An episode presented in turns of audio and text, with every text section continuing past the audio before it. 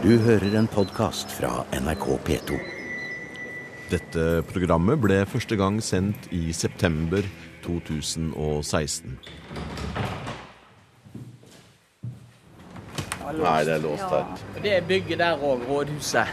Jeg hadde vært redd, skjønner jeg sjøl. Ja, absolutt. Vi står øverst på trappa til eh, inngangen på Stiftsgården i Bergen sentrum, bedre kjent som Hagerupgården. Akkurat her hvor kongens mann på Vestlandet, stiftsamtmann Ulrik Fredrik de Cicignon, møtte overmakten 18.4 i 1765. Flere tusen frustrerte og sinte striler og fattige bergensere fylte plassen foran stiftsgården. Både Cicignon og ikke minst futen Oluf Bilsø ble prylt og fornedra. I museum i dag skal vi bli bedre kjent med det som litt upresist kalles strilekrigen. Eh, Jeg kan neppe forestille meg at det har vært et organisert opprør med faste ledere. I så fall har man klart å skjule det veldig, veldig godt. Ja, altså Det at bøndene kom til byen var organisert. Det som skjedde, det tror jeg var ja. tilfeldig. Det bare eksploderte. Misnøye, sinne, fattigdom, kanskje Ja. litt alkohol med i Ja. bildet. Frustrasjon, Ja, frustrasjon. rett og slett. Gina Dahl er religions- og bokhistoriker og arbeider ved Statsarkivet i Bergen. Bjørn Arvid Bagge er universitetsbibliotekar, og han eh, arbeider i manuskriptsamlingen ved Universitetsbibliotekets spesialsamlinger. Det er bl.a. her i disse arkivene og samlingene de har henta stoff til boka om strilekrigen, og den kommer i løpet av høsten. Vi skal snart ut i byen igjen, både til Vågen og Stiftsgården. Men først i ro og mak få fram bakgrunnen til dramaet som utspant seg denne torsdagen 18. april i 1765. Det du har for noe her Du, det jeg har her, det er Jeg tenkte at vi kunne illustrere litt forskjellige ting av de tingene som er knyttet til strilekrigen. Først og fremst så må vi ha et vakkert bilde av Bergen. Her har vi et vakkert bilde av Bergen Ja. i gamle dager. Ja. Eh, for at alt som skjer i Bergen i 1700-tallet, det, det skjer rundt Vågen. Mm. Og Derfor må vi ha bilde av, av et fint bilde av Vågen. Ja, Det der har jeg ikke sett før. Jeg har Nei. sett det andre Ja da, nå har- fant jeg et som du ikke hadde sett før fordi at jeg hadde lyst til å vise noe som kanskje ikke du hadde. Ja, ser du her, da? Det Ja. ser ut som det til og med har vært sol den Ja, dagen. Ja, det er jo nesten som i dag, da. Ja, Ja, litt ja, ja, flaks ja, i dag. Ja. Eh, så, så det at all virksomhet i byen, det skjedde rundt Vågen. Så lå, husene lå som en hestesko rundt, Mm. og all handelsvirksomhet det gikk langs disse husene du ser innover her, og på, på begge sider av Vågen. Så, så dette er et veldig godt bilde som illustrerer hvordan det faktisk så ut på 1700-tallet.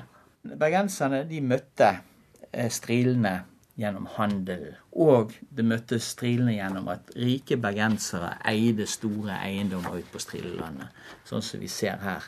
Den gangen var fjøsanger på Strilelandet. Den gangen var selvfølgelig Stend på Strilelandet. Fantastisk vakre hus som de hadde seg utover i, i distriktene. Men du, jeg tror vi først må ha en, en Ja. definisjon av, av stril. Strilebegrep er kjent over hele landet. Ja. Mm. Eh, Det er noe alle liksom kjenner til, men vi vet ikke helt hva det er. Er det striler innover i Hardanger, eller er det Nordhordland, eller er det sørover i mange definisjoner på stril.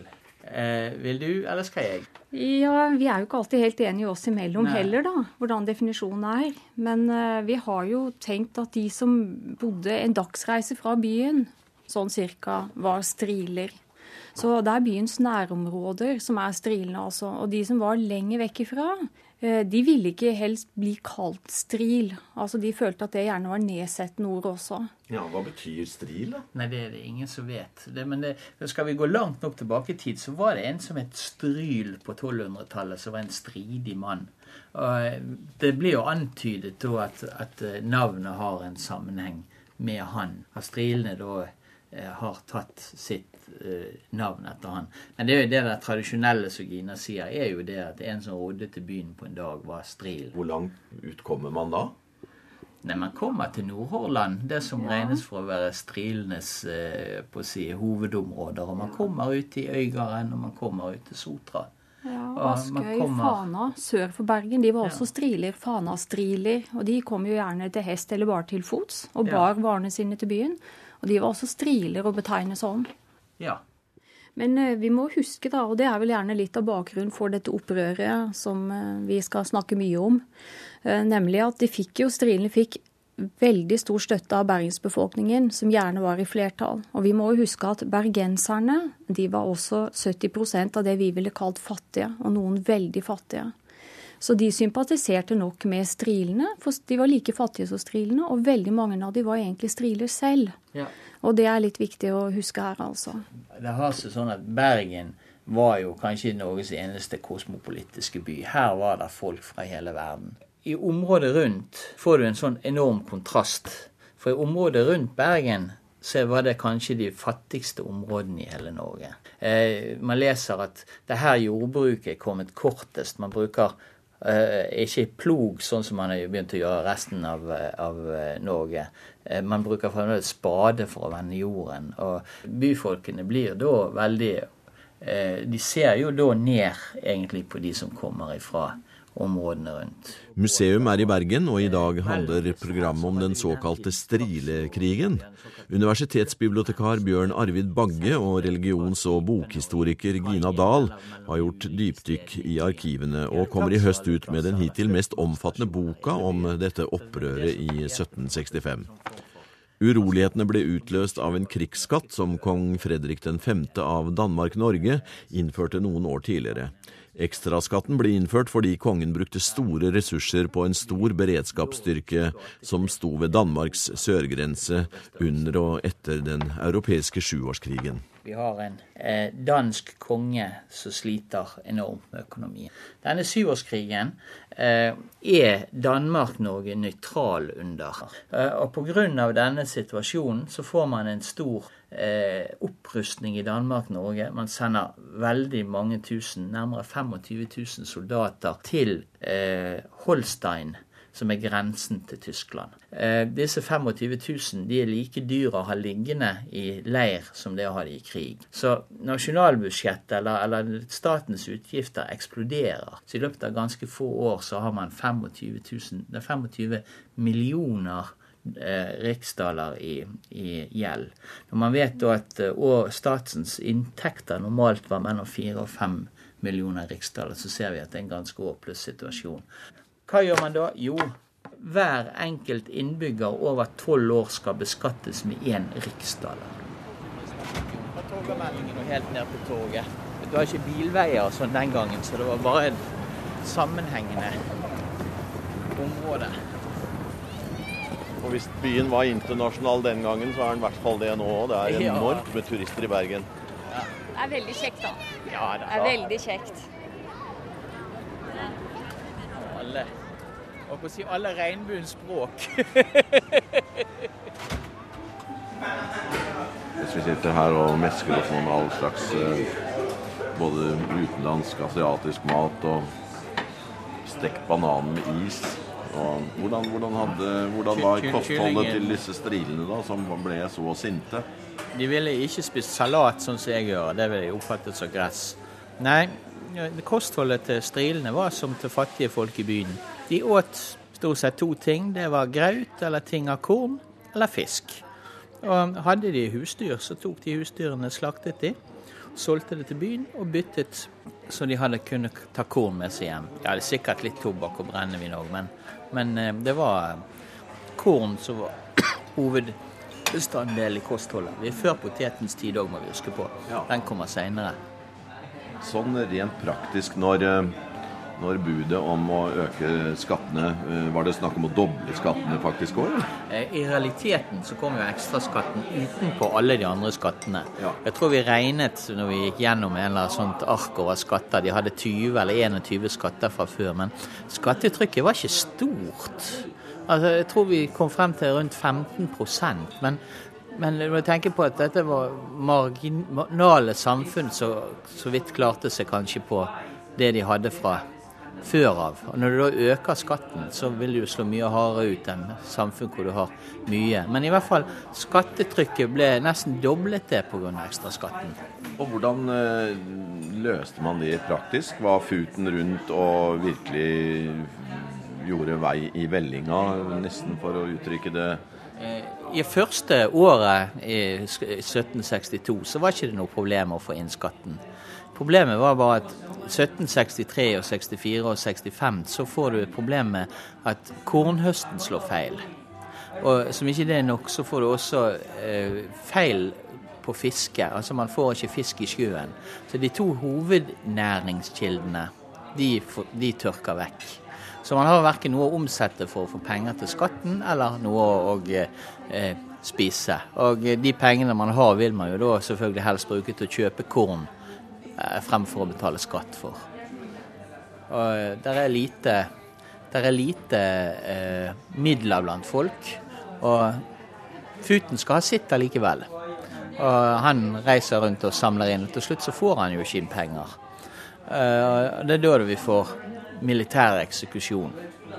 Med hard hånd sendes soldatpatruljer rundt, beslaglegger eh, ting som kan være med å dekke skatte, eh, skatteutgiftene.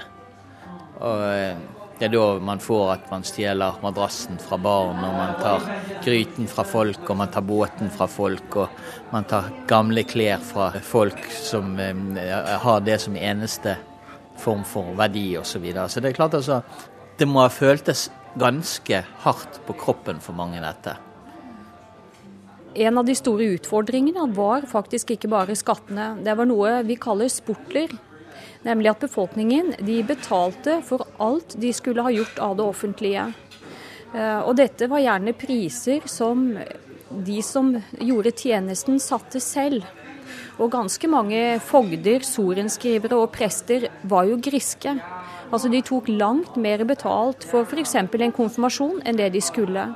Og det er jo i arkivene mange brev fra styresmaktene i København om at dere tar dere altfor godt betalt.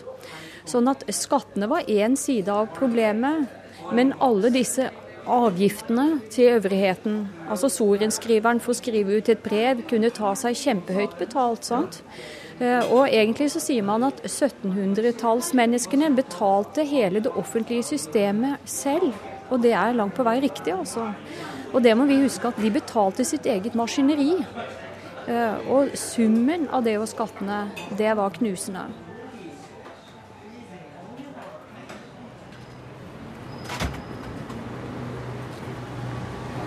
Jeg tror vi skal gå ned til torget og Sakariasbryggen. Der lå der i gamle dager en, en brygge som ble kalt for Triangelen, ble den bryggen kalt. Og Det var en av hovedområdene strilene kom til når de kom til byen for å handle. Og Vi forestiller oss at i det området så må det ha lagt tett i tett med robåter som kom inn til Bergen 17. og natt til 18. april når oppløpet startet. Nå er vi kommet helt ned til Vågen her er et flott, er et flott sted. Det kan nok hende. Hvis det er veldig, veldig, veldig sterk vind, så kommer de gjerne inn her. Hvor skal vi stå, mener dere? Hvor er det riktig å være? Her? Ja. Her. Her, ja. Startet det om morgenen da 18. april. Fordi det gikk da melding rundt om på bygda om at nå skulle de inn og ta opp skatteproblematikken enda en gang. altså, ja, og mente det hadde, vært, det hadde vært, et liten, forløp. Ja, det hadde vært et forløp helt i starten på mars.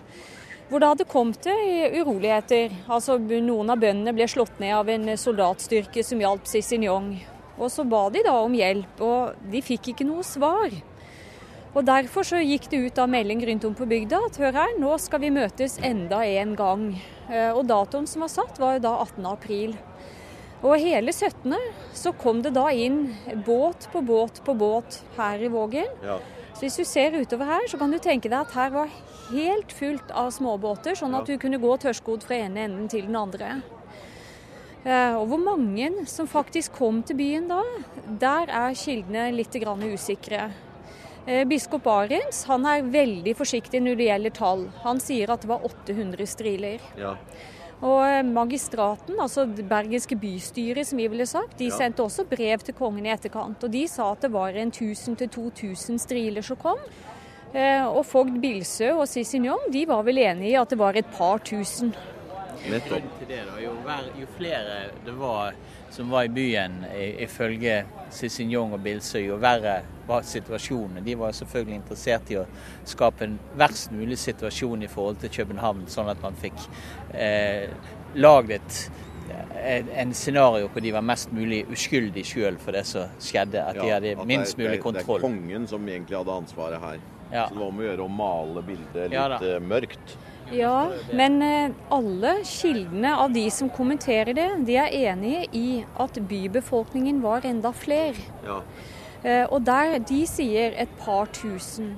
Så hvis vi tar topptallene av strilene og bybefolkningen, så kan det ha vært så mange som 4000-5000 rebeller. Og det er ganske mye. En tredjedel av byens befolkning. Ja, det er jo voldsomt. Ja, det, det, må ha vært eh, både et flott syn å se alle disse ja. båtene, men samtidig skremmende selvfølgelig for byens myndigheter.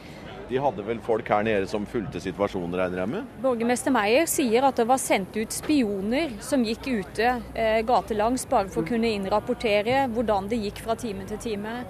Men om han lyger dette eller ikke, det vet vi jo ikke helt. Nei. Nei. Hvor langt er det opp her til maktens sentrum eh, her vi, fra her vi eh, står nå? Herfra og opp til eh, Det er en fire-fem minutters spasertur. Ja. Den gangen var det nok en lengre tur, kanskje, med mer kronglete smau og mer eh, slapsete gater. I dag er det jo paradegate hele veien opp. Så eh, ja. Det er en fire-fem minutter, men så kan du tenke deg de kom gjerne 17. om kvelden. Og de var gjerne hos venner og kjente i Korskirken eller domkirkeområdet. Eller de sov i båtene. Og de hadde seg De, de var gjerne i byen og da var det jo vanlig at de gjerne tok seg en dram osv. Så, videre. så det er mange ting som kan være med egentlig her og, og fyre opp stemningen.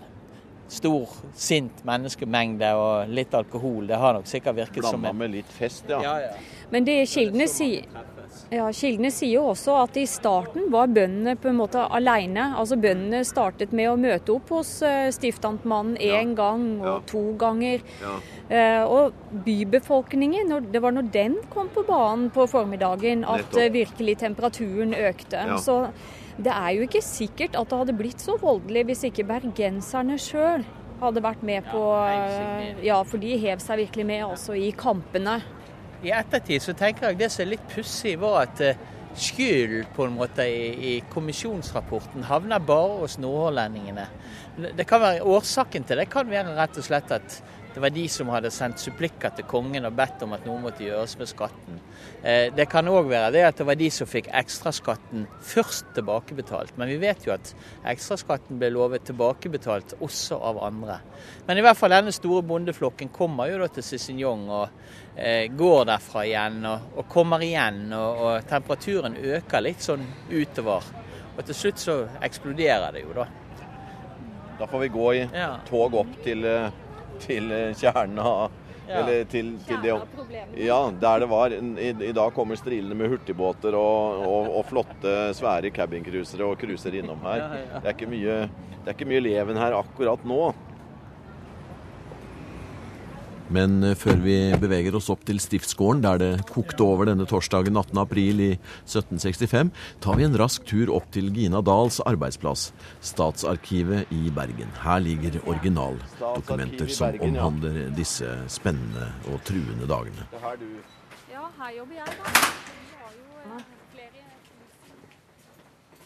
Så nå Og her er kildene. Jeg skal ta den.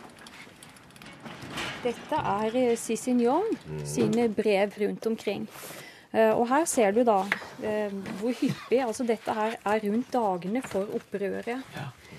Og i starten da av mars, hvor den første lille tumulten skjedde, hvor han da skriver rundt til fogdene om at hør her, nå må vi stoppe militær innkreving. Og så ser du da at det begynner å ta seg opp i april. Og spesielt da i datoene i etterkant ser du der masse, masse, masse. Ja. Og her går de rundt da til f.eks. fogden da i Sunnhordlen Jul, og de går til fogden i Nordhordlen Bilsø. Og soren skriver Garman, som skrev supplikken til kongen, ja. om hvordan de skal løse hva. Så her ser du at uh, brevvekslingen har virkelig tatt seg opp. Så, og her får du da vite disse her småtingene. Det er f.eks. dette her med at bergenserne hadde også problemer med å betale ekstra skatt, og hvor mange som faktisk klarte å betale, og hvor mange som skulle betale for de fattige. Det er noe Sissin Jong har skrevet. Vi vet av hans brev til sentralmaktene i København. 9000 skattepliktige i Bergen by, så er det faktisk over 3500 som ikke klarer å betale ekstraskatten. En tre, over en tredjedel av befolkningen. Det er ganske mye. Gikk det med dem da? Nei, de ble jo pressa for pengene til slutt. Ja, de ble det. Også Eller så var det de rike som måtte betale for dem. Det var en 650 rike som måtte betale ekstraskatten for de som ja. ikke kunne betale. Ja. Du, Hvordan greide de å organisere da folk fra så mange vidt forskjellige steder? Små øyer, fjorder, alt mulig. Bygder. Eh, uten telefon? Ja, det som står i kildene, er at det gikk sedler rundt fra gård til gård. Og så gikk det da sannsynligvis fra munn til munn. Og myndighetene i ettertid er jo selvfølgelig veldig opptatt av å finne ut hvem som hadde skrevet disse sedlene, men det klarte man aldri å finne ut av. Det er tusenvis av mennesker her. Det brøyter seg da inn en, en mengde bønder, ikke bare fra Nordhordland, som står i kildene, men også fra Sunnhordland, eh, inn men de er litt snillere de i Sunnhordland. De er ikke mye å angripe. De brøyter seg inn og tar tak i, i, i De diskuterer med stiftamtmannen frem og tilbake. Og til slutt så fornærmer en av disse bøndene eh, stiftamtmannen på den måten at han skal til å dra korden.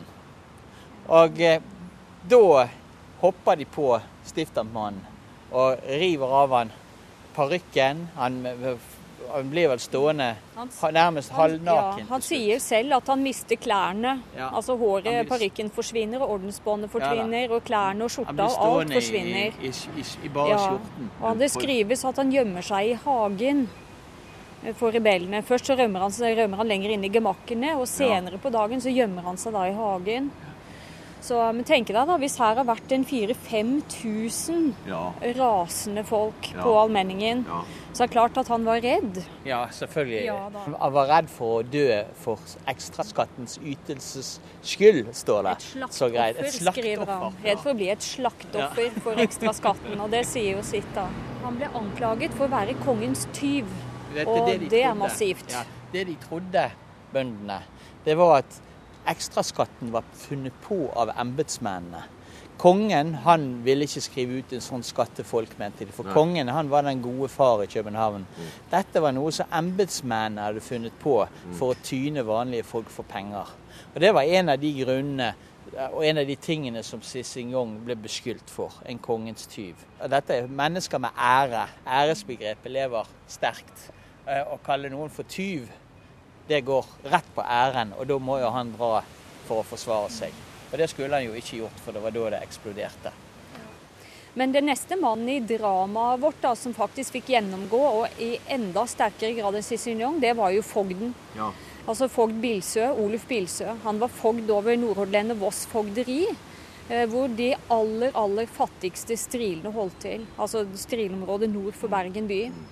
Eh, og han hadde vært da i byen, eller han var i byen samme dag. Og han var innom Cicignon før bøndene troppet opp for å si at hør her, jeg har hørt rykte om at folk skal møtes i byen. Så pass på, pass på. Men jeg tror ingen av de kunne ha forestilt seg hva som faktisk kom. Eh, og han gikk da tilbake igjen, altså han gikk, gikk sin vei. Mm. Eh, og han var ikke kommet langt utafor her før han også da ble stoppet av eh, menneskemengden. Så sa hør her, nå får du forklare oss litt, hvorfor har ikke vi fått svar? Og hva stemmer egentlig i dette kaos med ekstraskatt påbud? Eh, og da tok de også han mellom seg. Så Bilsø fikk vel da egentlig enda sterkere medfart. Altså han ble virkelig hjult opp. Rundhjult. Ja. Og han ble spent og banka. Og han fant skjul et sted i et hus som må ha stått ja. rett bak her. Ja. Eh, men han kunne jo ikke være der for alltid, for mobben brøt seg jo inn. Og for at ikke det huset skulle bli rasert, så gikk han med på å komme ut igjen. Ja. Eh, og han ble da halt mellom opprørerne hele veien ut til Nykirken, hvor han satt i husarrest en hel uke mens man utbetalte skattepengene. For de var livende redde for at han skulle stikke av med pengene sjøl. Ja. ja, for skattepengene Bøndene kom ikke til byen fordi de ville ha skattepengene sine igjen. bøndene kom til byen fordi at de ville vite hva som var riktig måte å betale skatt på. Og hvilken forordning, det var en masse forordninger som eksisterte, som var den rette i forhold til hvordan skatten skulle betales. Og Det som skjer da når de ikke får vite dette, Cézinjong blir drakt ut på gaten, så får Cézinjong panikk. Og for å berge livet, som han forteller sjøl i ettertid, så forteller han da, eller han roper han da at alle skal få skattepengene tilbake. Og ikke bare bøndene fra Nordhordland, men alle bøndene og alle som er i byen, skal få pengene tilbake. Ja. Nå er det veldig oppussing her, så det er vel tvilsomt om vi kommer inn i det hele tatt. Vi kan kanskje gå på trappa før vi blir, før vi blir kastet ut ut igjen. Vi kan jo late som vi er striler som vi er jo faktisk striler, da. ja, dere er jo striler. Så